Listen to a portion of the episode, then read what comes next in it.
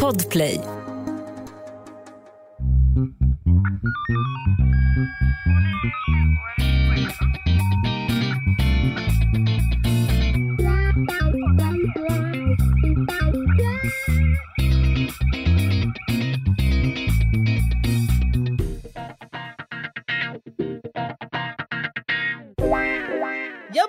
Välkomna till krimpoddarnas krimpodd Över min döda kropp. Med mig, Anna Ingede och... Lena, jag tänkte ge mig själv smeknamn där i mitten men jag kom inte på någonting. Hyena Ljungdahl. Ja, men det var väl ett passande, tycker jag ändå. Absolut, jag är nöjd. Du är nöjd. Hur är läget Anna? Tackar som fråga. Jag sitter på ett hotellrum i en liten ort i landet eh, där jag tillbringar några dagar för att eh, bli duktig på det här med sprängningar och kriminalteknik kring detta. Får du spränga saker? Ja, jag kommer inte gå in så mycket på vad vi gör de här Nej. dagarna. Men jag kan säga så här att ni som överhuvudtaget eh, går i tankar att eh, detonera något på våra gator och torg bör tänka ett varv till. Så mycket kan jag Det säga. kan vi göra. Det kan För göra. jag har varit, det kan jag, för det är presskatt. Jag har ju varit på en sån utbildning och det var fan det roligaste jag gjort. Man gick ut på en åker och sen så, sa man, och så fick man skrika “Tänt var det här” och så kutar man allt vad man kunde åt ett håll och så puff bakom sig. Det. Sjukt kul! Ja, I ordnade former på ett militärt område skulle jag vilja säga också. ja, det bör tilläggas. Ja, det bör tilläggas. Ja, ja, ja, ja. Jaha, Själv då? och, och jo tack. Jag är. Jag har varit eh, runt. Jag har pratat knark i veckan. Just det, det har du Jag har varit i. Karlstad. Karlstad och träffat massa kollegor till det, utbilda poliser och länsstyrelse och krogpersonal och sådär om hur man skaffar sig eh, en drogfri miljö i Karlstad. Ja, och jag råkar veta att det blev en bejublad historia det där. Jag har fått eh, underrättelser från olika håll. De är så nöjda. Tänk att du, tänk att du alltid ska veta allt.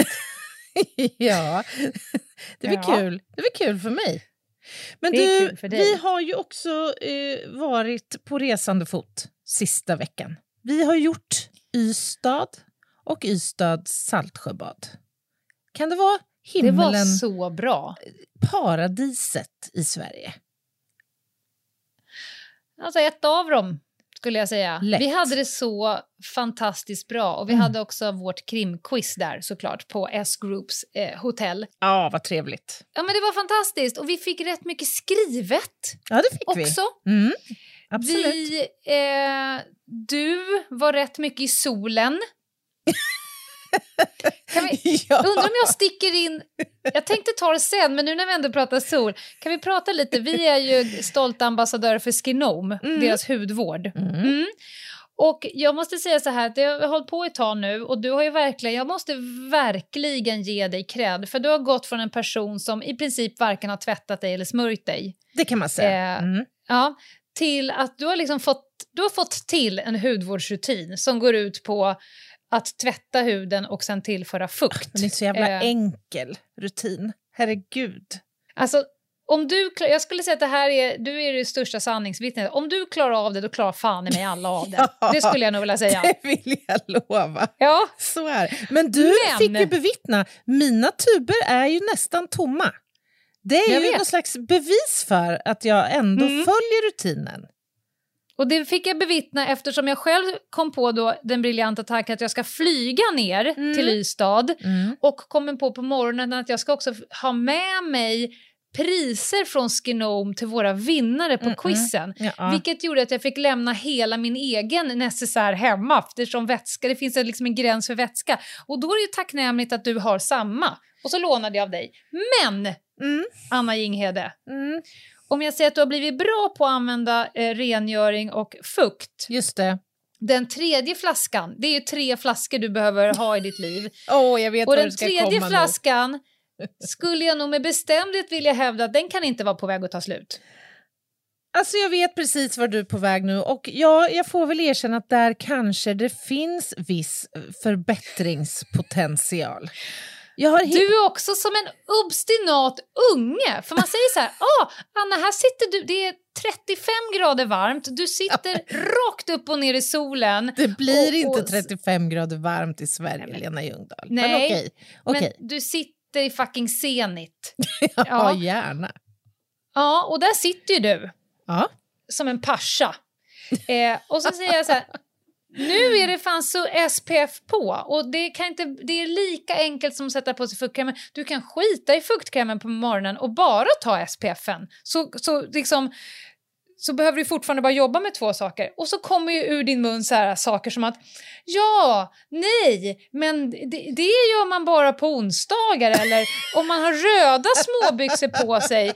För, du vet, det är så jävla mycket dumma förklaringar. Och jag vill bara säga så här, är du i solen, då ska solkrämen vara på. Det kan inte komma på någon annan anledning. Ja. Du Nej. behöver inte ha det när det spöregnar och är grått, för då är det ju UV-faktor noll. Men när man sitter i Ystad och det är bara ett hav av nakna kroppar runt omkring som ligger och pressar, då är det en stark indikator på att solkrämen ska in i plytet. Ja. Punkt. Det, ja, det är, jag- måste ge dig här att du, du, har ju, du har helt rätt. Min, min enda förklaring till, till det här fenomenet som, som infinner sig gång efter annan, det är ju att jag har ju inte den här rutinen att dynga på SPFen liksom som en rutin på morgonen. Jag har ju Nej, SPF i vet. min foundation, det vet jag. Det köper jag Ja, alltid. men det är ju Ja, men- inte värt Så här, något. av tradition och gammal hävd så har jag funkat lite så här att ah, idag är det solläge, idag går jag ut, det är Mm.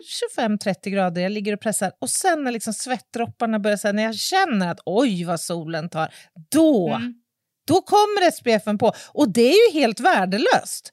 För då har jag ju ett lager saltvatten på min kropp Ja. som så att säga SPFen ska bemästra för Det är att som att du lägger på grillolja på slutet. Ungefär så. Så jag, jag Ja. inser ju att här, här finns det som sagt utvecklingspotential och jag lovar bot och bättring.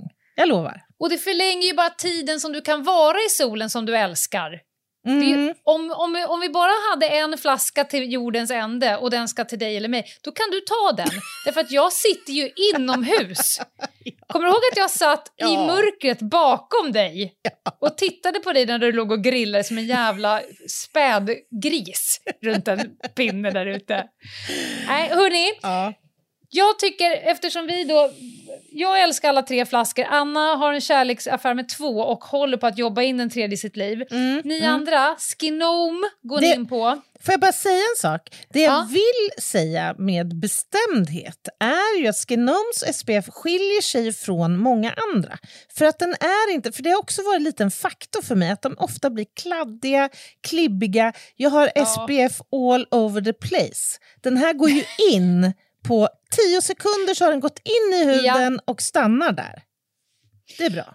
Och den innehåller ingen parfym, inga onödiga tillsatser, den är lämplig för känslig hud, den är lämplig för ungarna. Du kan bada, du kan ta fyra dopp a 20 minuter och trots detta långbad så kommer SPFen fortfarande vara liksom intakt. Det är bra. Nog om det tror jag. Yes! Eh, jag skulle säga en sak till om Ystad, men jag kommer ta det i slutet av det här avsnittet för Mhm. att jag hade ju en snudd på nära döden-upplevelse när alla planeterna la sig i en linje och jorden skrattade åt mig som gjorde att jag såg ut som en fågelholk förmodligen i 40 minuter. Det är en eh, av mycket få gånger i, i, ett, i ett liv som man Ja. får bevittna detta. Jag vet precis vad att du jag blir helt på. mållös. Så Ja. du sparar detta alltså till post? Jag sparar det till sen. Jag tar det i kombination med en liten naggande rövhatt i slutet på det här avsnittet. Härligt. Men du, låt oss då ge oss i kast med eh, veckans Ja. case. Och, och innan vi gör det eh, så måste Mm. vi väl ändå prata lite grann om att du har nu kommit över guldet igen.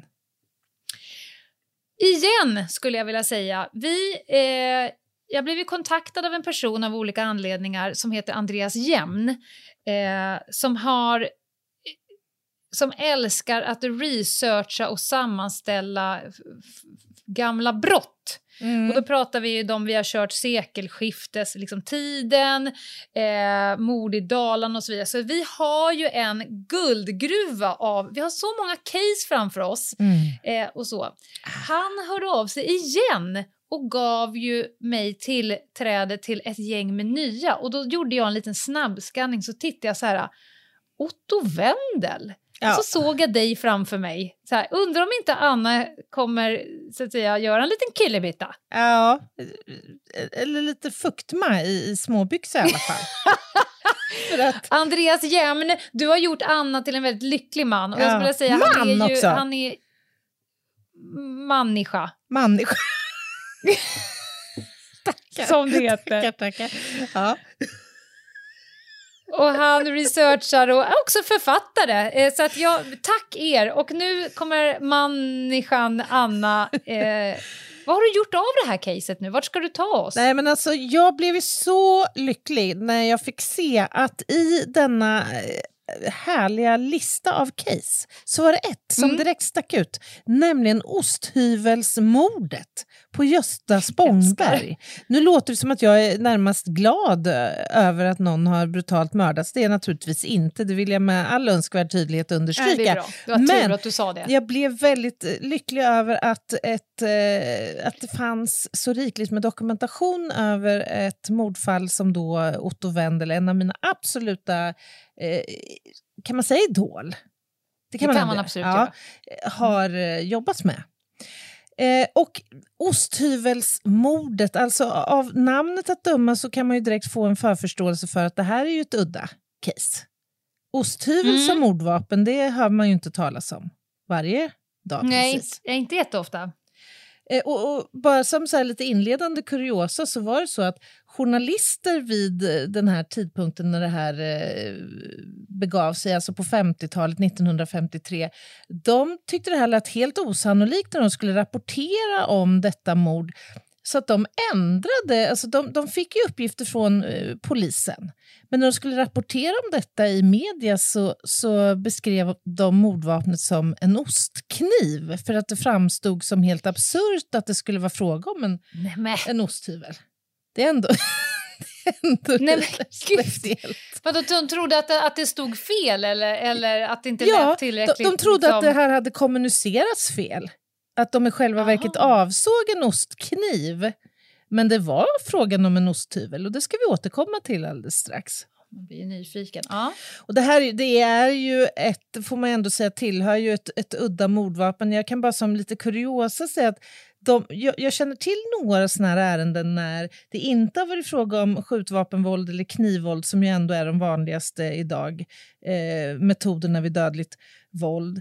Eh, vi, vi har haft eh, faktiskt i vår del av landet ett eh, ganska uppmärksammat mordärende för inte så länge sedan som går under benämningen kryckmordet till exempel, där mordvapnet Ja. var en kryckkäpp. Eh, och kanske är det någon som lyssnar som minns mordet på KG Berggren 1959 i Sundbyberg som, som mördades med hjälp av en, en porslinselefant. En stor pjäs, alltså tung och rejäl Ah. porslinselefant.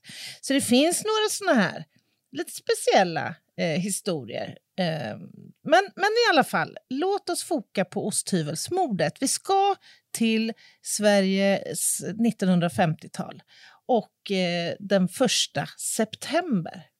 Och den här historien innefattar ett flertal personer så ni får hålla i hatten nu så ni hänger med i turerna. Och vi ska börja med att bekanta oss med makarna Vinblad, Saga och Karl Vinblad, som här på kvällen den 1 september fick ett oväntat besök till sin bostad. Det knackade på och utanför dörren så stod 30-åriga Bernt Henry Olsson, eller Olle Snurr som han kallades.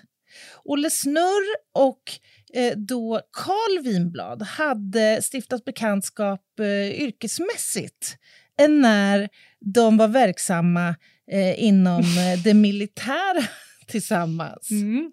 vid Kungliga Gotlands infanteriregemente. Men så skildes deras vägar, eh, om än att de så att säga, höll ihop geografiskt och socialt ibland.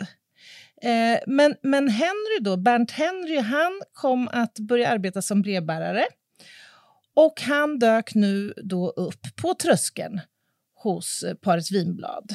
Han stod där på tröskeln i sin brevbäraruniform, sin tjänsteklädsel. Och det var något som inte stämde med honom. Han, han saknade för det första både mössan och väskan. Mhm. Och dessutom var han otroligt nervös och stirrig i blicken.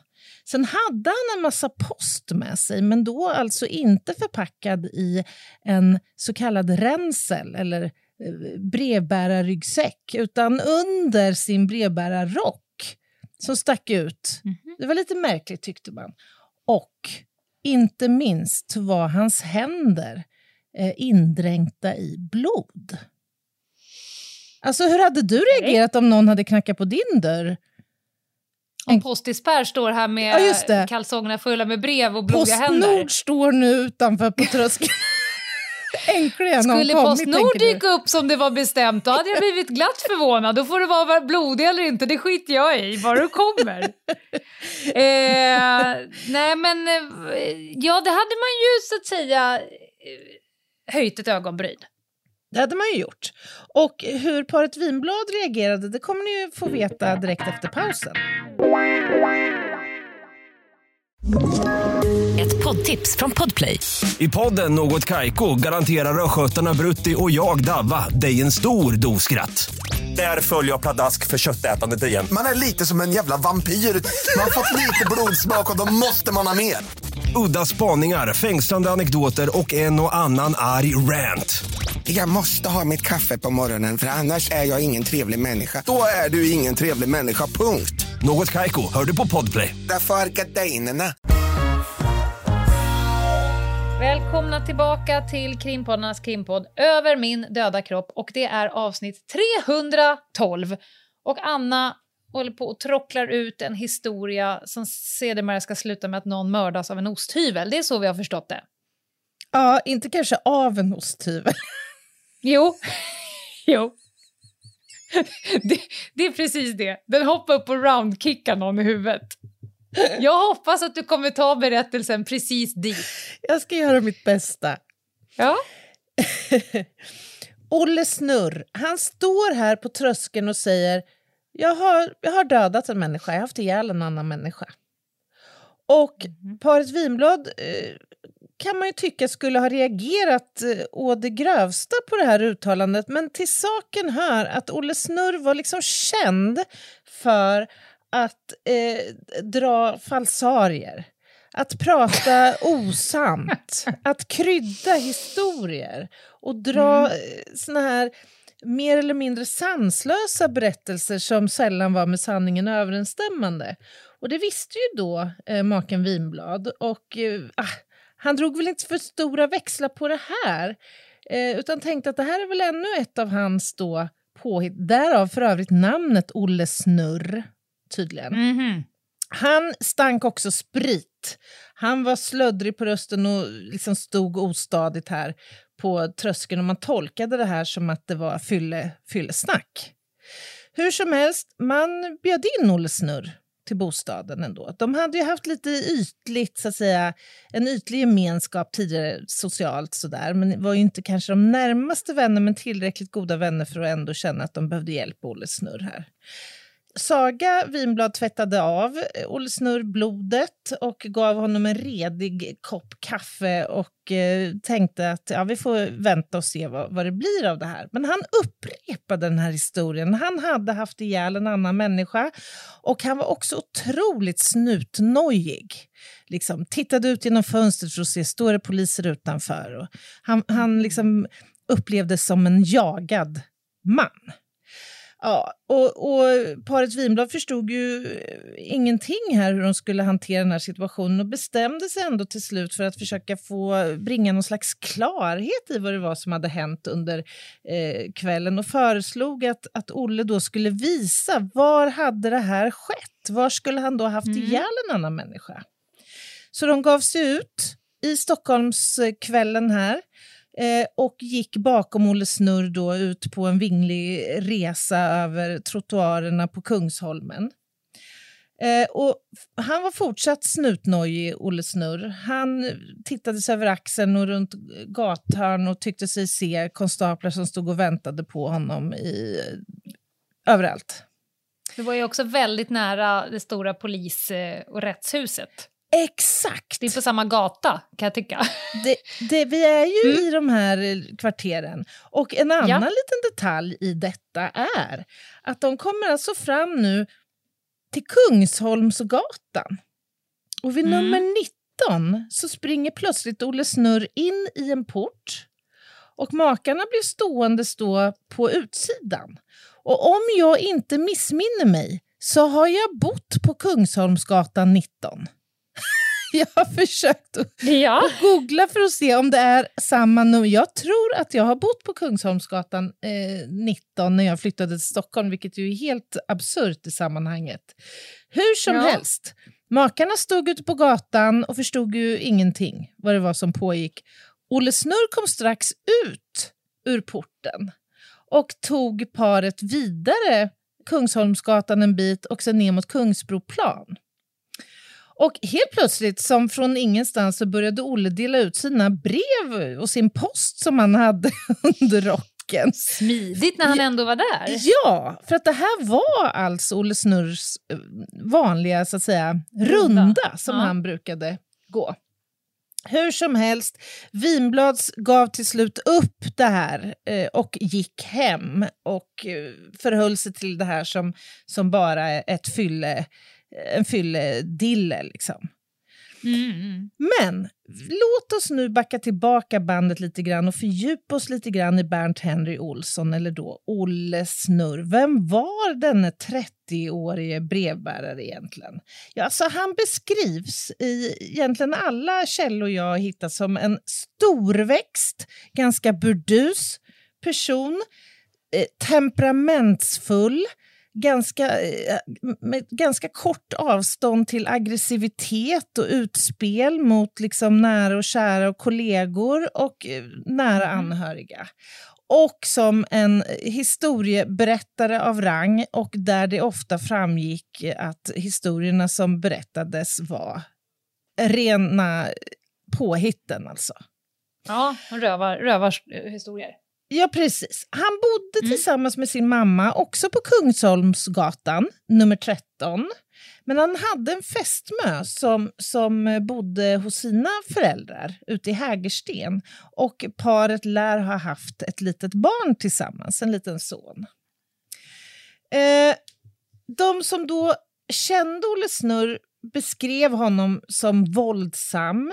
Han hade inte dragit sig ens för att misshandla eh, sina egna närstående, både sin fästmö men också sin mamma.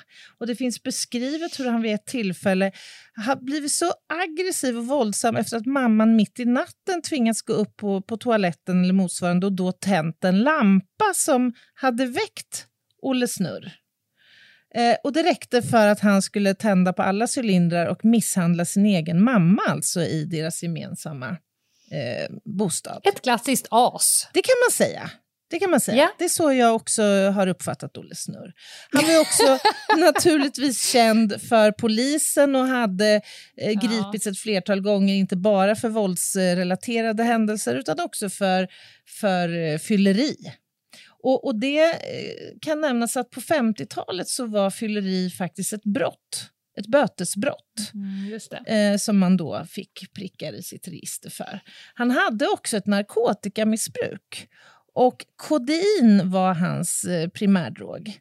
Och kodein Mhm. eh, känner vi igen än idag som en, eh, ett preparat som omvandlas till morfin i kroppen och som, som jag tänkte ingår... säga, han låter Mm. Ja, han, han låter, det är ju ett centraldepressivt medel. Han låter ju mer som en... Hade, hade Olle Snurr funnits idag och den karaktär som du har broderat kring honom så låter han ju som en typisk kolatorsk person.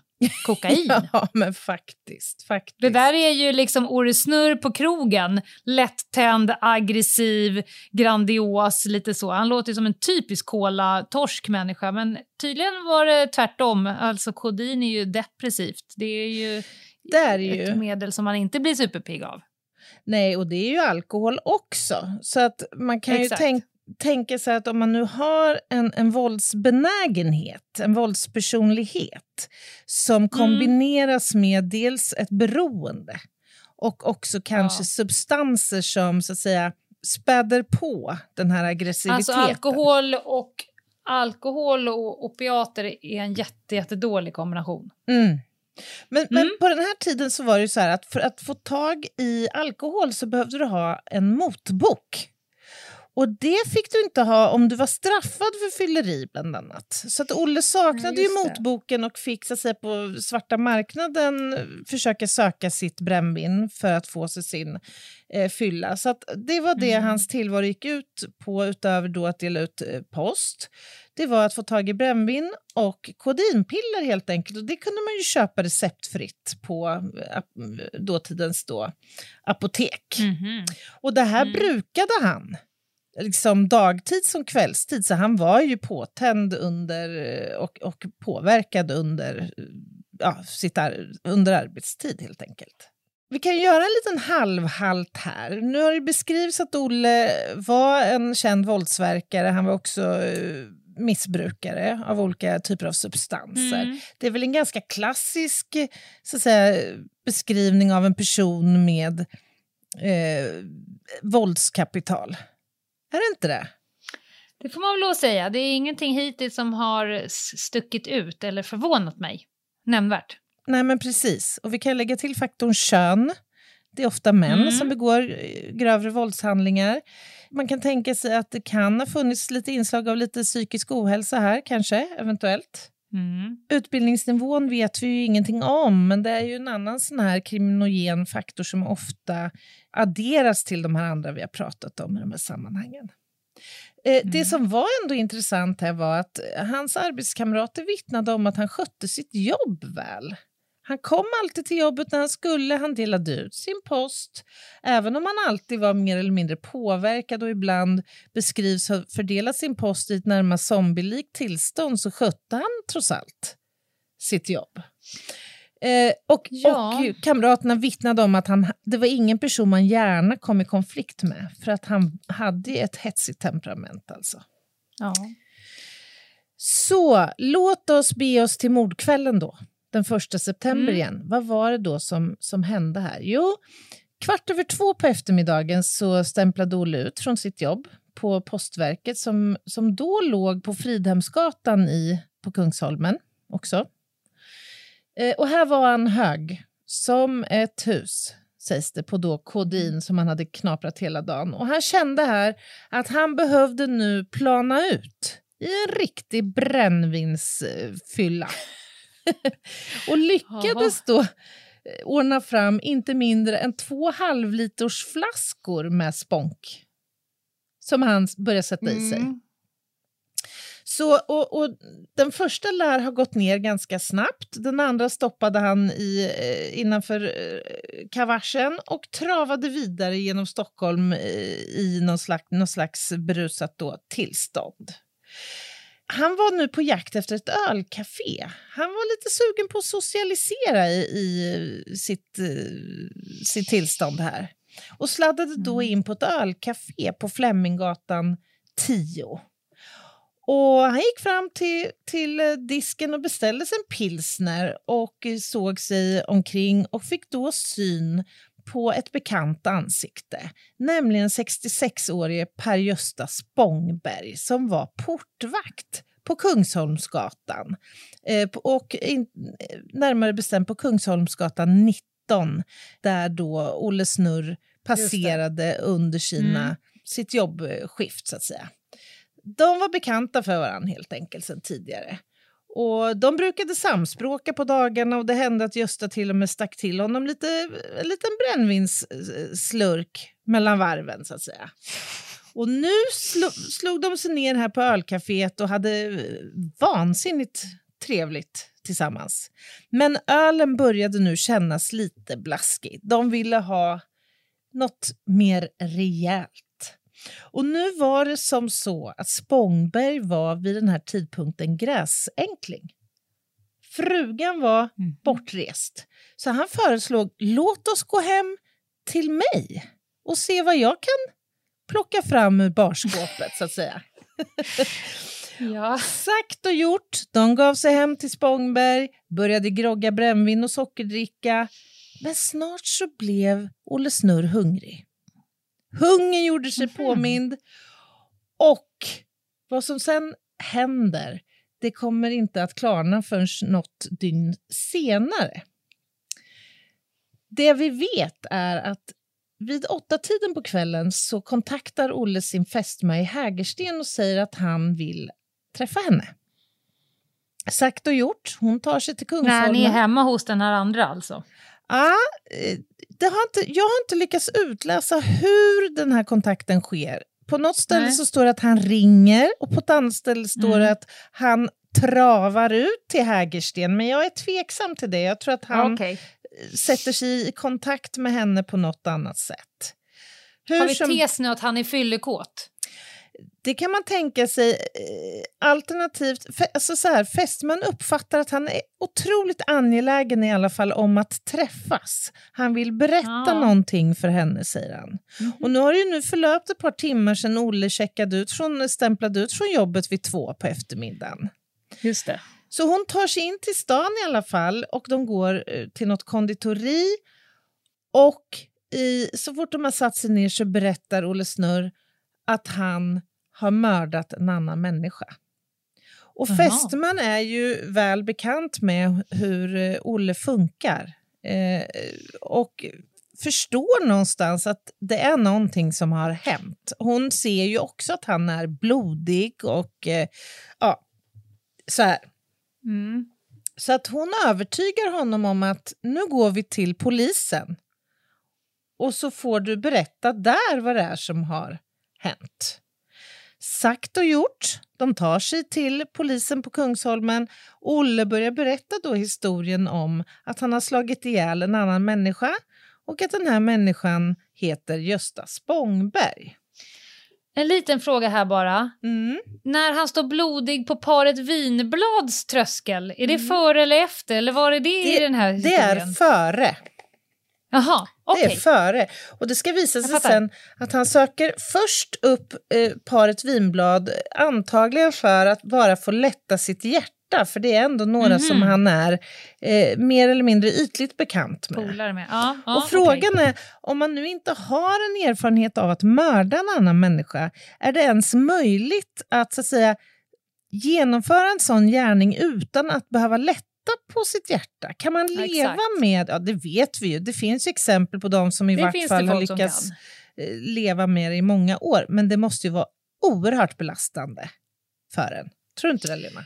Ja, och om man dessutom alltid lite omtöcknad med sponken eller eh, narkotika, Mm. då kanske också såna där lite mera konsekvensanalytiska tankar kan grusas och sen så börjar man bubbla. Det kan ju finnas en sån grej också i det hela. Det kan man tänka sig. Jaha, okej. Ja, de sitter här nu på polisstationen. Olle drar eh, sin historia om att han har haft ihjäl eh, Gösta. Men han hävdar direkt här att det här har handlat om ett fylleslagsmål som har eh, ja, tagit en väldigt olycklig utgång för en av parterna. Han blir naturligtvis förhörd. ja, men det är ju sant. Ett slagsmål som har fått en tragisk utgång från en av parterna. Jag Ja, kan inte låta med absolut. klinisken så, tror jag. Nej, det, det är korrekt. Där, där toppade du i det hela. Mm. Ja, han blir naturligtvis förhörd här under ett eh, antal timmar och man beslutar sig nu för att å- åka hem till eh, Spångbergs våning. Och eh, här går ju nu då poliser in i lägenheten och mycket riktigt, man hittar en svårt sargad kropp. Eh, och det första man gör det är att spärra av lägenheten i väntan på Eh, ja, både förstärkning men också en, en teknisk undersökning av platsen. Så på morgonen då, den 2 september, så anländer kommissarie Otto Wendel från Riksmordskommissionen. Ja, men va- varför är du så fascinerad av den här karln? Kan, kan du inte säga några ord om Otto Wendel så vi förstår varför du... Nej men alltså så här, eh, först och främst så var han ju en otroligt erfaren polis och utredare. Alltså han var polis-polis, om du förstår vad jag menar. Mm, jag, måste, jag måste googla, jag måste se, jag måste se facet på karln.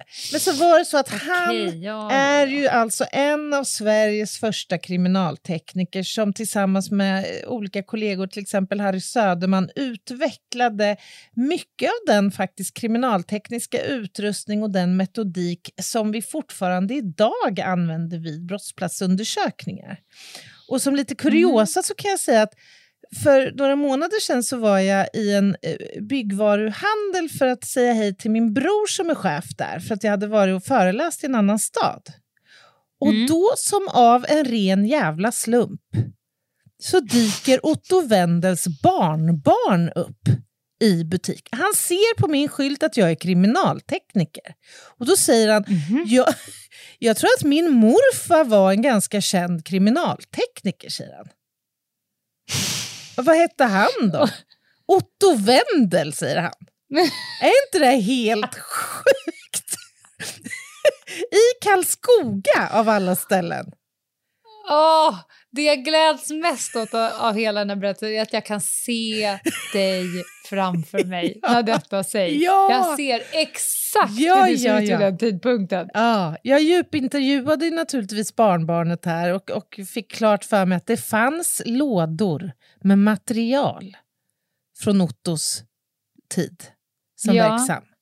Alltså, Ja. what's not to like? Hur som Nej, helst, man kliver in Mm. nu. Gösta Spångberg ligger på rygg i en soffa och Mm. direkt kunde man konstatera att hela hans ansikte var fullständigt demolerat. Eh, och man trodde först att det var en kniv som hade körts ner i hans hals. Eh, det vi skulle ju sedermera visa sig att det var ju inte en kniv, det var en osthyvel. Otto Wendel noterar också att hans kavaj, och offrets kavaj var vänd ut och in, men det fanns inget blod på tyget.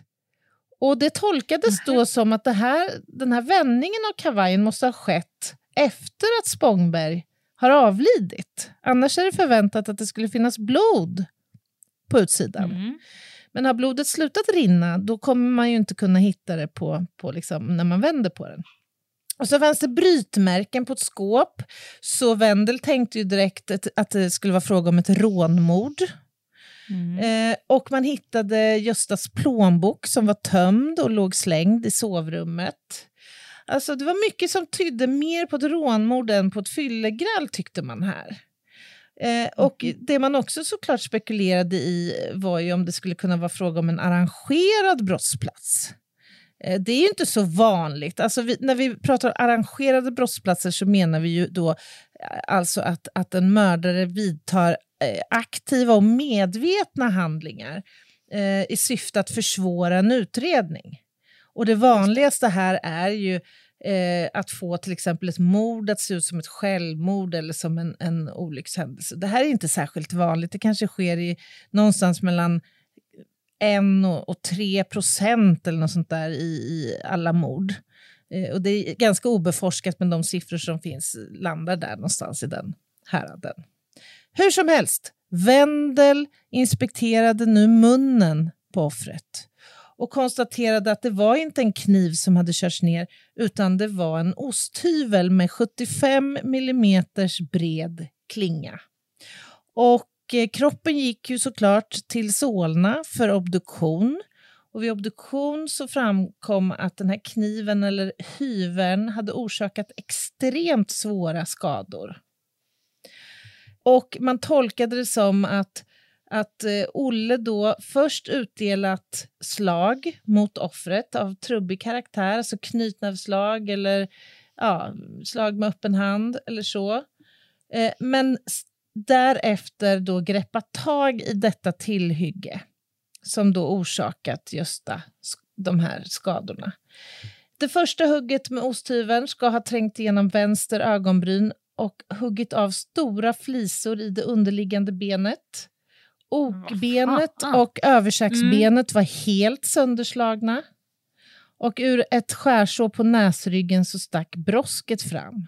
Vänster hörntand var löslagen och underkäksbenet var brutet och intryckt. Alltså det är ganska mycket kraft som krävs för att orsaka dessa skador. Ja. Så frågan är, vad var det som hände i den här lägenheten? Ja, alltså parallellt med att undersökningen eh, fortgick i, på brottsplatsen så förhörde man ju nu då Olle. Och det som framkom var följande. När då Olle och Spångberg eh, har börjat kröka till här i Spångbergs bostad så, så eh, ja, deklarerade Olle att han var hungrig. Han ville ha något att äta. Så det Gösta gjorde var då att gå ut i köket och eh, ställa fram bröd, smör, ost och skinka. Men Olle hade minsann fått syn på en sillburk i skafferiet som han gärna ville smaka av. Men Gösta deklarerade att den här sillen kan vi inte äta nu för den ska jag och min hustru avnjuta imorgon. Så att han förvägrade Olle en bit av sillen. Mm. Och eh, Gösta var också, han beskrivs också som en historieberättare av rang så att för att försöka avleda då eh, sannolikt eh, Olles fokus på den här sillburken nu så börjar han ju prata och berätta historier och försöka få, få upp stämningen här eh, igen. Men det enda det hade för effekt var att Olle bara var sur. Han satt och stirrade på Gösta Spångberg. Han har målfokat han, på sillen. Han har målfokat ja. på sillen. Han var påtänd på morfin, sprit och han var hungrig. Men alltså, får jag bara en reflektion för massa såna här case man varit med om, både mord men, men andra case. Det är ju oftast någon sån här detalj som är så jävla futtig. Ja, alltså verkligen. Man, man tänker så att när man kommer fram till, det här har vi pratat om när vi skriver deckare, man mm. tänker ju ofta att det ska komma fram något så här, jaha, och det är liksom ett invecklat motivsystem. Men i verkligheten skulle ja. man skriva deckare så som verkligheten är så är det så här, aha, jag tänker att jag och Anna skulle skriva en deckare med något bestialiskt mord och så mm. skulle det alltihopa sluta med att en av dem var jävligt sugen på sill och den andra inte ville ge den sillen. Alltså det hade, det, vi hade fått ganska eh, vassa recensioner men det är inte alls ovanligt när man hör en sån här konflikt eller utveckla sig där det är så jävla banalt egentligen. Det är något fjutt futtigt och ja. banalt och en liten detalj. Och folk kan liksom inte greppa. Ja, ja, jo, jag hör det, men vad var det egentligen? Ja. Nej, det var bara det. Ja, men du har så sjukt rätt i det, Lena Ljungdahl. Jag har, inte, ja. jag har faktiskt inte tänkt på det här uh, egentligen. men när du säger det, alltså om jag gör en recap över de mord som jag själv har jobbat med eller som jag liksom på ett eller annat sätt varit involverad i som är av det här stuket, alltså fyllebråket mm. ja, ja. bad, liksom. så ja. är det ju verkligen som du säger, vi börjar tjafsa om någons eh, flickvän. Det, var, alltså, så här, det, kan vara, alltså, det kan vara som du säger väldigt fjuttiga saker. Alltså. Mm. Verkligen. Hur mm. som helst, eh, det brann till för Olle här. Så han greppar tag då i osthyveln som ligger på brickan som Gösta Spångberg har ställt fram efter att ha utdelat ett första slag riktat mot Gösta Spångbergs näsa som också knäckte den. Mm. Och eh, han ju, blev ju svårt skadad ganska snabbt här Gösta och bönade och bad och eh, Olle ska senare beskriva att han började gråta och be om nåd. Men Olle brydde sig inte utan alltså gick loss Fan. med ja. osthyveln. Och av förhören som finns dokumenterade från den här, det här caset så, så beskriver han alltså att han hör, han hör det krasande ljudet, nu läser jag till det krasande ljudet mm. när benet i käken gick sönder. Och Spångberg hade kanske överlevt om han inte hade börjat böla eh, som en tjur, som Olle beskrev det. det. det. var så han omnämnde att han började mm. böla som en, en tjur. Och det kunde inte Olle hantera. Eh, så att han tog ju osthyveln i ett nytt grepp och högg liksom allt vad han orkade och riktade våldet mot liksom center of attention lite grann från det mm, område där ljudet ja. kom för att få tyst på honom. Och Han beskriver också att han högg och högg och högg för att Spångbergs tunga ville hela tiden leta sig ut ur munnen. Och Han beskriver mm. då eh, hur han liksom går... Alltså han är besinningslös i sitt våld. Och eh, av obduktionsprotokollet så kan man sen eh, utläsa att den här osthyveln då hade skurit av hela bakre svalgväggen och sen har osthyveln böjts så att den alltså har fastnat. Eh, och Olle försökte få ut den, men han lyckades inte. Och inte heller vid obduktionen lyckades man liksom dra ut den, utan man fick skära loss den. Ja, men du sa att den var nästan 8 centimeter Ja, bred, den är ju det. i... ja. Precis. Och det man kunde faktiskt konstatera tragiskt nog vid obduktionen också var att det var inte av skadorna från hyveln som Spångberg avled, utan det var eh, faktiskt av kvävningen som, som uppstod till följd av att det blödde så mycket. Han fick inte luft. Nej, fy fan vilket sätt att dö på. Mm. Huh.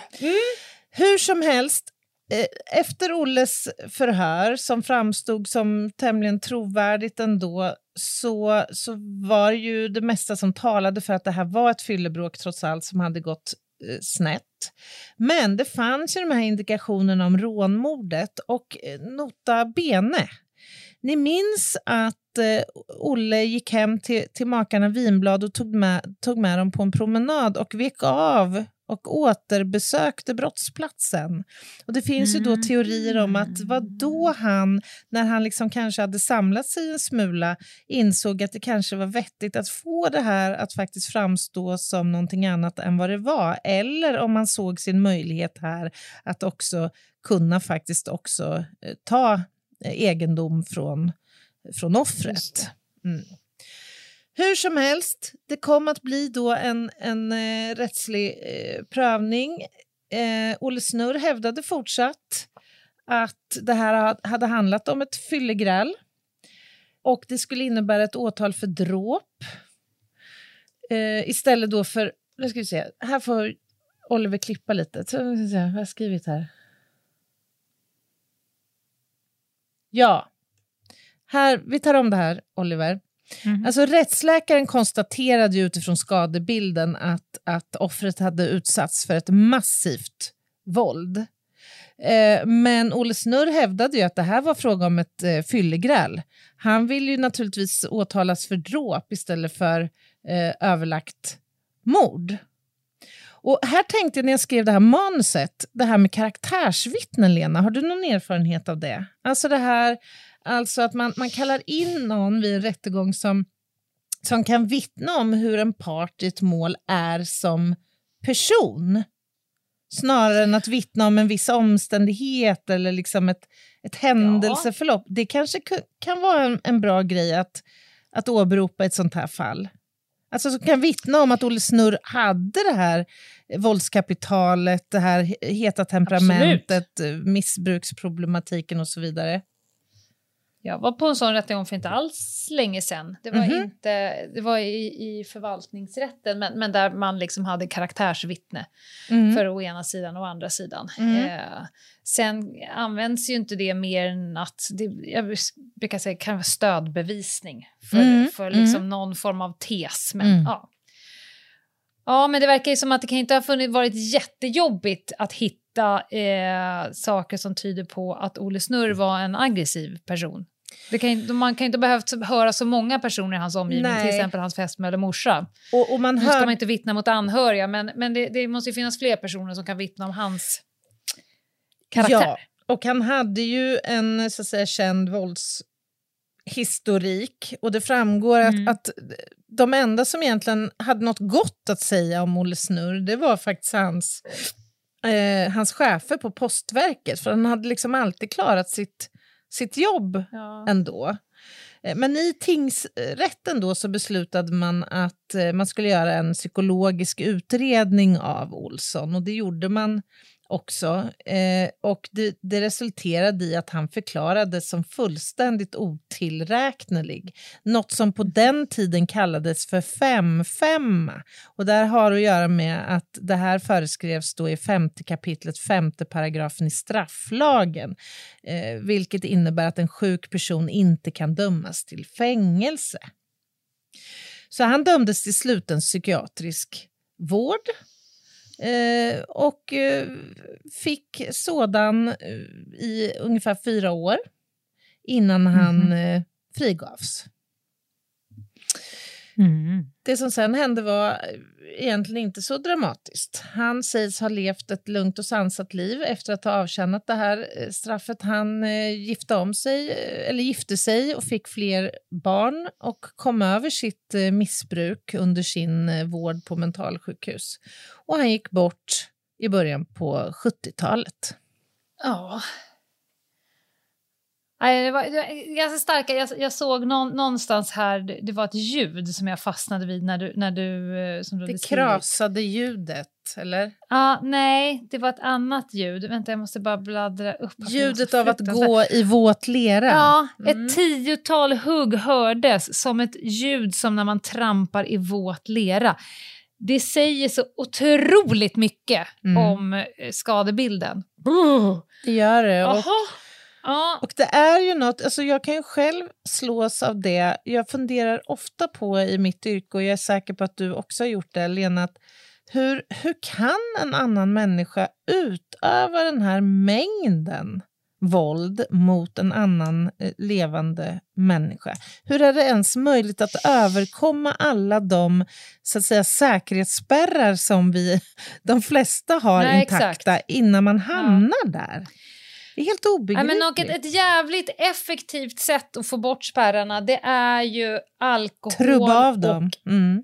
Ja, alkohol och eller narkotika och de två i kombination. De där gångerna man har varit där någon har gått fullständigt bananas Mm. på sina familjemedlemmar eller, eller för den delen eh, polare i såna här lägenheter. Det är ju fan vinst varje gång. Antingen är det liksom psykos. Mm, mm, Att jag, trodde helt plötsligt att du var en zombie och jag var tvungen att döda dig. mm, mm, Men alla andra gånger så är det fan alkohol i en kombination med droger. mm. Sant. Släng in lite doping i det där också. Ja, Så går det herregud. fullständigt åt helvete. Ja, det var Ja. tragiskt för all, alla inblandade. Mycket tragiskt ärende på så många sätt, såklart. Mm. Och återigen så riktar vi en eh, vördnad mot de eventuella anhöriga som eh, finns kvar. Mm. Um, och eh, ja, det finns väl inte så mycket mer att säga om det här caset, tänker jag, än att bara lämna det så. Vi lämnar det, vi reflekterar, vi tänker. Eh, tack för dragningen, Anna. Vi lär oss alltid något, även vi, och reflekterar över olika saker.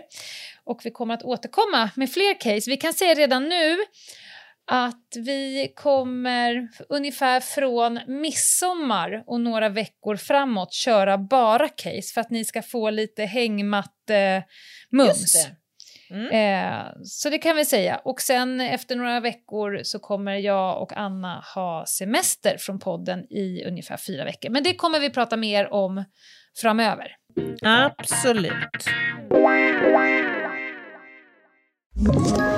Ett poddtips från Podplay. I fallen jag aldrig glömmer djupdyker Hasse Aro i arbetet bakom några av Sveriges mest uppseendeväckande brottsutredningar. Går vi in med hemlig telefonavlyssning och, och då upplever vi att vi får en total förändring av hans beteende. Vad är det som händer nu? Vem är det som läcker? Och så säger han att jag är kriminell, jag har varit kriminell i hela mitt liv men att mörda ett barn, där går min gräns. Nya säsongen av Fallen jag aldrig glömmer på Podplay. Lite samhällsinformation innan jag ska köra en rövhatt. Vi var ju i Ystad nu senast. Nu har vi släppt biljetterna. Steam är fullbokat. Göteborg, Pigalle fullbokat två dagar. Men Ellery Beach i Stockholm har precis släppt biljetterna dit. Och det är alltså den första oktober som vi kör vår krimquiz där. Och det kommer Mm. bli ljuvligt. Så om ni vill nypa en, en biljett till att komma och köra ett quiz med oss i krimtecken med mycket garv så är det 1 oktober och då går ni in på Ellery Beach hemsida och letar er fram där till True Crime-kvällen med oss. Ja, det vore ju superhärligt om ni gjorde det, tycker jag. Det kommer, eh, det kommer, det kommer vara slutsålt. Det Ja. var bara att det, det tog slut så himla fort på de andra ställena så att eh, knappa in er lite kvickt nu om ni vill ha en chans. Smart. Ehm, Ska vi dra en e-postadress också? Gör det. Ja, jag Gör det. gör det innan jag släpper in dig på Rövhattsarenan. Mm. Hej at Ljungdahl och Ginghede.se och Instagram Ljungdahl och Ginghede. Men du, eh, vad trevligt. Du, du glömmer väl inte löftet du av... Nej, jag, ska ta, jag tar det faktiskt först nu. Ja, Så får jag avsluta i min ilska. Jag tycker ju om att liksom förlanda ilskan ordentligt innan Ja, jag lägger vi mig. vi ska börja i förvåningens tecken antar jag då. För nu knyter men vi alltså, tillbaka jag- till Ystad och vad som hände där då. Ja, men så här, Anna, jag... Eh, det, du, du kan kalla det för debriefing, för jag är fortfarande lite chockad över vad som hände. jag Jag förstår det. behov av att gå tillbaka. Det roliga är att folk som var i Ystad har ju hört av sig till oss på Instagram och skrivit så här Fy fan vad snyggt ni gjorde det där, citat, du vet. Eh, Oj vilken slumpgrej på slutet, jävligt snyggt planterat. Jag bara, men hallå, Det det, var var, det. en slump. Men berätta nu så här- då. Så här var det ju. Eh, när vi startade, det är ju två akter, akt 1, akt 2. Och när vi startade första akten, då var det ju en tom stol på första raden bredvid. Det var ju liksom fullt smetat, men så var det en, en tjej som satt där och så var det en tom stol bredvid henne. Mm. Och vi interagerar ju rätt mycket med, med publiken. Ja, det gör vi. vi har vi, väldigt lite manus och fångar saker som händer i rummet för att vi tycker helt enkelt att det är roligare. Mm. Så att, eh, vi gör ju en grej av det där. Att prata mycket med henne. Vem var det som skulle sitta där och så här, vad, vad hände? Ah, nej, han gick på någon form av cruising. Ja, men det var ju... Och då sa ju du väldigt roligt så här, det kanske var lika bra att det blev som det blev ändå. En kille som väljer cruising för att ta en, dejt så här. Ja. I alla fall, den där, den där stolen gapade ju tom eh, hela, Hela första akten. första akten. Ja. Ja. Sen blev det paus och då sker ju detta. Jinghede går ju som vanligt till baren och hon minglar och är liksom trevlig. Ljungdahl eh, går till logen och surar. Nej, jag, är inte, jag är inte så mycket Nej, för att mingla. Du är inte Nej. sur, men du Nej, föredrar jag tycker det är skönt att ja, lugnet. ja, Ja. föra mig själv. Ja, ja, ja. Jag går till, till logen. Eh, jag tar upp telefonen och missat samtal, tar ett sms med min son och sådär. Och sen så är, är vi ju pingade i någon som då har taggat så här, ah, jag är här på krimquiz, bla bla bla. Och nyfiken som jag är går jag liksom in på den personen och så tittar jag på den här personens flöde. Vad är det för kul person som har taggat oss? Och då kommer jag in på en, en killes eh, Instagram, ett öppet konto. Och jag blir ju direkt otroligt nyfiken på den här personen. För det är ju 98% löv i hans flöde. Det är alltså löv, bilder på löv, löv, löv, löv. Sen är det en bild på en bisonoxe. Och sen är det löv, löv, löv, löv. Och sen är det en bild på Ullareds entré. Och sen är det löv, löv, löv. Redan här är jag så jävla nyfiken på den här personen. Ah. Så att jag ägnar ju den här halvtimmes pausen åt att Var det stalka inte en bild på den här personen. Beyoncé också? Ja men vänta, det, ja exakt. Ah, sorry, Jag ja. ägnar ju liksom en halvtimme åt att stalka den här personen Ja. på alla sätt det går. Så jag bara, jag vill veta mer. Vem är Sen så går jag in och börjar kolla tidsangivelserna. Ja. Så, ja, men det, det är liksom en, en kontinuerlig stridström av löv. Sista bilden är på Beyoncé-konserten och den hade då varit kvällen innan ja. vi var i Ystad. Korrekt. Och bilden innan dess var tre år tidigare. Ja. Så jag tänkte, det här är ju en människa som har suttit och avtjänat. Ja, det är lätt Alltså jag har ju bara målat upp en sån jävla intressant person. Det är löv, det är bisonoxe, det är avtjäning Det är tre år. Och natur. Och sen är det Beyoncé. Ah. Så jag har ju nu redan, innan jag är på väg in till akt två så har jag bestämt för att det här ska jag göra en grej av. Jag Ja. måste hitta den här personen i publiken och ha liksom en ganska så här äh, interaktion. Så här, Ja. hur tänk, vad hände de här tre åren? Jag, jag, jag ser liksom framför mig olika dialoger som jag ska köra i rummet som kan bli kul. mm, mm. Vad hände de här tre åren? Hur tänker du när du ska backa upp liksom Beyoncé igår Mm. och sen oss idag? Det måste Mm. vara som att ta en tur då efter en syratripp. Alltså ja. det... Ja. Så jag Ja, kommer i alla fall in i akt två. Jag, jag vänder mig till dig och viskar till dig så här, Anna, jag har, jag, jag har två saker jag vill göra eh, Mm. akt två. Mm. Nu är ju publiken där redan, så jag viskar till dig. Vi, vi, vi, det ska är- ju, vi ska ju säga att vi ha, brukar ju ha sånt här upplägg och då brukar jag ofta ha gjort någon spaning när jag har minglat. Och Ja. du har gjort en annan spaning. Och det brukar Ja. vi knyta tillbaka till då, när vi Exakt. återsamlas. Ja. Och det är därför det blir olika alla städer och det är därför Just vi det. tycker att det är lite kul, Mm, för då blir mm. inte samma sak. Så jag gör ju den spaningen då, men så gör jag en till spaning när jag kommer in och det är ju också det, att dessutom den här mannen som var borta första akten nu har kommit och Just sitter det. bredvid sin fru där. Ja.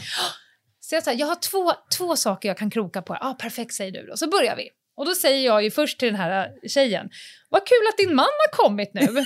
eh, så här, och, och så var vi på den här snubben lite mycket. Så här, va, va, typ, vad var Cruising, vad- första what's up med cruising? Ja. Ja, exakt. Du körde mycket det. Va? Gamla bilar.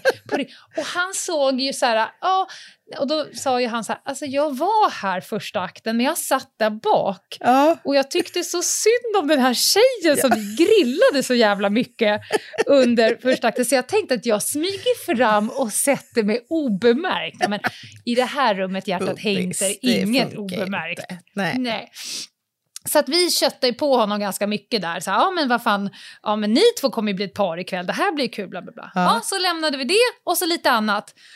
Och så kom ju då min andra grej, så här, ja men hörni i pausen, Anna är ju minglar och jag är ju en betraktare och en ståkare och sådär. Ja. Jag bygger ju upp det här på alla sätt man kan bygga upp det. Det finns någon person här inne som tycker jättemycket om löv, bisonoxar, Beyoncé och att sitta inne i fängelset. Så bara, så då, och sen så droppar jag då namnet. Mm. Då är det samma Ja, person. det är... Så den här stackars saten som jag precis har grillat och häcklat och hållit på. Det är också han som älskar löv och. Beyoncé.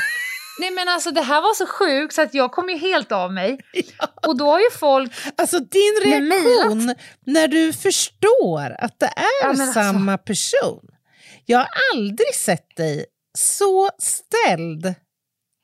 Men vad är Ever. oddsen att jag sitter Nej. i pausen, random väljer en av alla människor, av 200 pers så väljer jag en i rummet, stalkar honom i en ja. halvtimme. Mm. Han får samtidigt en känsla att jag ska byta stol Ja. till andra akt och jag kommer sätta mig på den stolen som var tom i första akten. Nej, Nej, för jag blev så här, konstigt. nu jag är utsatt för en sån inception-skämt. Du vet, Mm. så här, jag föll nu på Just eget det, grepp. Det är någon det. annan som har använt mina bästa egenskaper mot mig. Mm, mm. Och, ja. Ja. och sen har ju då folk börjat mejla så här, gud vad snyggt ni gjorde det där och det där blev ju jättebra, bra jobbat, hoppas ni kan göra det i Göteborg igen. Man bara, ah, nej, de nej, trodde det, var här någon form av mer hända." trick. Ja! Illusion. De tror att vi Ja. har blivit trollare på äldre dagar. Flexelius, eller vad fan heter han? Flexi. Nej, det, var så, Flexius. det var faktiskt helt sinnessjukt. Ja, och sen har ju också hon, tjejen, messade ju till oss idag på Instagram, det var ganska kul. Aha. Hon bara, din min när du kommer in i rummet och ser att han sitter på stolen, Ah. det, du fick liksom horn i pannan. Så hon Ja. bara kände, hon hade viskat till honom så här, vi kommer bli så jävla grillade snart. så, ja, det är korrekt. Det blev vi. Ah, så Nej, det var roligt. fantastiskt. Det blev bara en, en extra krydda. Och eh, jag eh, ser fram emot vem jag ska ståka i eh, Göteborg. För det är Ja. vår nästa anhalt i juni. Det ska också sägas att det här var inte en person som hade suttit inne och avtjänat på något endaste vis. Det var ju en otroligt älskvärd och mysig och härlig person också. All Vi kärlek. båda vill ju adoptera honom Ja. i slutet på kvällen. Gärna, gärna. Men du, Nu eh, kommer en kommer väldigt rövhatten nu? kort. Ja. Ja, väldigt kort. Härligt. Lenas rövhatt. I måndags så skulle jag köra till Karlstad. Eh, och jag älskar ju att köra bil. Det är ju ingenting nytt. Men när jag kör bil så exponeras jag också för saker som jag inte klarar av. Det vill säga jag åker förbi massa döda djur. Det ligger ju kada- det är grävlingar och bävrar och råttor och det ligger liksom djur längs med vägen för att de har rört sig på vägbanan, vilket är ett dåligt ställe att vara på. Ja. Jag minns fortfarande en gång när vi skulle åka till Särna och vi, jag, precis när vi mötte en bil så såg vi hur den smashade en katt. nej, nej. Och jag hörde också ljudet Nej. av kattskrik. Jag Gud. kan sen den dagen inte... När jag passerar eh, bensinmacken i Mora in mot Supercharge Ja. så hör jag fortfarande ljudet, jag ser fortfarande katten. Såna här äh, djur som inte har det bra, det, kommer, det lämnar aldrig. Det, det är som att det lagras i en del av min hjärna som, är liksom, som har ett tjurskalligt långt eh, minne. Jag fattar. Jag kom Mm. i alla fall åkande här i avfart 133, Svista trafikplats. Då ser jag ju givetvis en, ett rådjur på fel sida viltstängslet. Så den har att välja på att Åh. stå diktan viltstängslet Mm. eller vara på vägbanan. Det är bara en tidsfråga innan den där kommer vara utsmashad. Mm. Jag ser i alla fall, för jag upptäcker den för att jag ser den här vita röven eh, som rör Just sig upp det. i gräskanten. Ja, och den Mm. går då längs med staketet. Jag får ju ögonblickligen otroligt ont i min mage. Det är klart. Nu vill jag ju stäng jag vill stanna bilen, jag vill gå ur, upp i slänten, eh, bära Bambi eh, längs, så här, längs vindstängslet och hitta ett hål och kasta över till, till mamma och pappa, eller vilka det nu är Ja. som saknar det här rådjuret. Samtidigt som jag då sitter och lyssnar på någon jävla människa som sitter på någon jakt. Jag har så svårt att förstå hela den där grejen. Men i alla fall. Mm, mm. Sen åker, jag ringer ju då till Trafikverket. Jag googlar, Ja. ringer Trafikverket. För det är så här, du kan undvika, göra så att det inte blir mer olyckor. De tänker bara på människor. Mm. Alltså, de menar på att det värsta som kan hända är då människorna. Ja, jag ringer i alla fall och säger, hej hej jag kör bil mellan avfart 133 och 134 i höjd med... Jag, det är som att han får en fucking pin av mig. Ja, ja. Här är ett djur på fel sida viltstängslet. Och då säger den här personen så här, ja men det är jättebra. Eh, vi skickar ut en varning och sen så ska vi åtgärda det här. Jag lever ju nu i tron. En varning? i- När skulle det Ja, ske? liksom Nästa trafik. vecka? Eller? det vet jag inte. Ut Jag- i etern, jag fattar. Ja, jag förstår. Jag tänker att de lägger en sån här uh, Mm. varning, nu är det vilt på vägen. VMA, typ. Mm. Ja, exakt. Jag lever ju nu... Jag får lite mindre ont i magen för jag ser ju liksom hur man tömmer kommunhuset på folk. Nu ska Just det det. heta Bambi. Ja. Ja. Jag intalar mig ju det här själv för att kunna stå ut. För jag hade ju helst velat stanna bilen och åtgärda det här.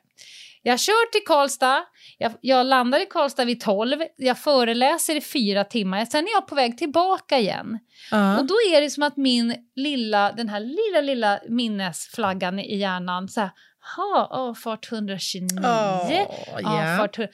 Mm. Och jag önskar så att Ljungdahl, titta nu inte så noga, gör inte det. När jag Nej. är i höjd med 33, mycket riktigt, rådjursjäveln är ju kvar, men nu är han trött, så nu har han lagt sig i en liten sån här Bambi-hög, tryckt mot staketet. Nu Nej, börjar Ljungdahl gråta. Jag gråter nu. Från 133, 134 och bara... Nej men alltså jag klarar inte av det här. Jag måste åka tillbaka. Hur, hur ska jag kunna vända och komma tillbaka? Hur ska jag kunna stanna på E E20? Men får jag fråga, för det här var ju då Ja. efter att kommunen de hade gått för dagen. De har ju uppenbarligen inte gjort ett skit. Nej, Det men jag menar, det, du, kan, du har ingen, det, det går inte att ringa nu. Nu, jag ringer trafik. Nu kommer snart Rövhatten, tror Mm. jag. Jag vet inte om jag är Rövhatten eller, eller rådjuret eller att det inte finns tillräckligt mycket såna här... Jag kanske är stadsplaneringskontor som inte har gjort tillräckligt mycket. Vad heter det? Såna här faunavägar. Ja, Såna här vägar som kunna- byggs... Ja, djurpassager. Mm. Någon jävel ska dö känner jag och det är inte rådjuret. Nej, nej. Så att jag bölar ju nu kanske tio avfarter. Men, Och bara ser, jag ser katten framför mig, jag ser rådjur. Jag klarar bara Ja. inte av det, det går icke. Allt roadkill något- du hade sett de sista tio Ja, åren nu Ex, exakt, kommer dök upp till för mig. ditt inre. Ja. Jag ringer ju tillbaka till Trafikverket och Ja. trycker på den här, har du något akut att rapportera, tryck två. Trycker Mm. två. Så Mm. svarar ja, Trafikverket, Sebbe. Ja, tjena. Du, nu, jag ringde ju idag för eh, åtta timmar sedan. Åh. Och det var ju ett rådjur här som var och fladdra på fel sida viltstängslet. Och eh, ni skulle ju åtgärda det här nu. och det är uppenbarligen inte åtgärdat, för nu ligger ju lille Bambi kvar där. Eh, jättetrött. Det finns ingen Ja. vätska. Jag gick igenom allt. Det måste finnas vätska. Ja. Mm. Då hade ju han kunnat säga så här, oj, ja, oj, nej men det där ska vi ta tag i på en Åh, gång, jag lovar. Alltså det rådjuret, ja. Ja, ja. Han kan säga vad som helst. Nej, han bara, vad tror du att vi gör när folk ringer in och Nej, säger det där? Vi lägger ut en varning, alltså i P4, så här, nu bla, bla. Du tror väl inte att vi åker ut och hjälper djuret? Det där kommer ju bli självsanerat snart. Nej men gud! Det var så okänsligt. Men så jag så ju kan nu, man väl nu har inte jag ju, säga? Nu har jag snor från mudd på tröjan till armhåla på båda ärmarna. Jag bara... Han, Nej. han liksom idiot för... Jag sa, men din kollega sa att ni skulle åka ut. Han bara, men på riktigt, tror du att vi åker ut till E20 för att ett rådjur har fladdrat? Vet du hur många djur som dör på vägarna? Jag bara... men Alltså det var så jobbigt. Gud. Så nu var jag både ledsen och arg. Ah. Jag kunde, jag, det tog mig till Nykvarn innan att, att jag hade snorat klart. Och nu, så att jag är så här, det här förstör också mitt, för jag älskar så mycket att köra bil. Men Ja. jag skulle behöva så jävla feta skygglappar så att jag bara ser mitt strecket. Men jag tänker så här, det måste ju vara det en trafikrisk liksom, risk också. Ja, Så om inte och det är annat det så som- borde väl det vara ett incitament? n- exakt.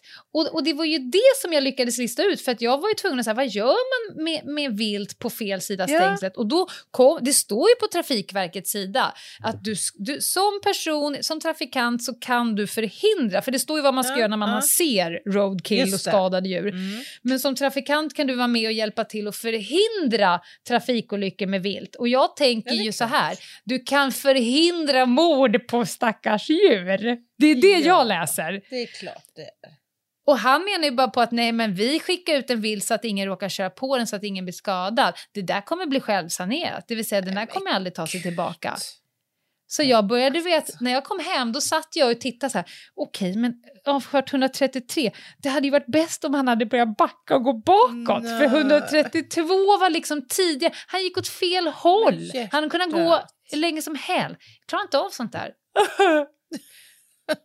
Alltså får jag Okej. reda på att någon bara, jag har sett en ny bra film. Jag bara, dog det någon djur i den? Ja. Ja, nej då kommer jag inte se den. Nej. Det går inte. så är det ju. Slakta hela jävla Homo sapiens, men någon djur det går inte. Så veckans rövhatt går alltså till Trafikverket. Trafikverket. Men Och- alltså, kan man inte ringa kommunen eller polisen i de där lägena? Jag vet inte. Det, det- jag fick uppfattningen om att Trafikverket var liksom intratten och sen stod det Okej. något så här och sen tillgo- så, så om, sörjer vi att rätt liksom instans får reda på det. Och i det här fallet så var ju rätt instans, han, han trycker ju bara på kadaverknappen den här jäveln. jag ger mig fan på att han nu, ja nu, nu kom jag på vad han gjorde. Han gjorde en notis. Ja. Avfart 133, Så den vägen ska ut. ta hem ja. så blir det rådjurssadel till middag Just om jag har tur. Ja, fy fan. Sjuka jävlar. Sjuka jävlar. Nej, jag förstår din upprördhet Jag är i uppbragt. detta. Du är uppbragt. Ja. Ja. Ja, nej, Ha. Men nu får vi ge oss. ja, det får vi göra. Eh, och ni där ute ska ta hand om er och ha det så härligt i vårvädret. Glöm inte SPF. Bra sagt. Bra, Anna. Bra! Bye, bye! Bye, bye.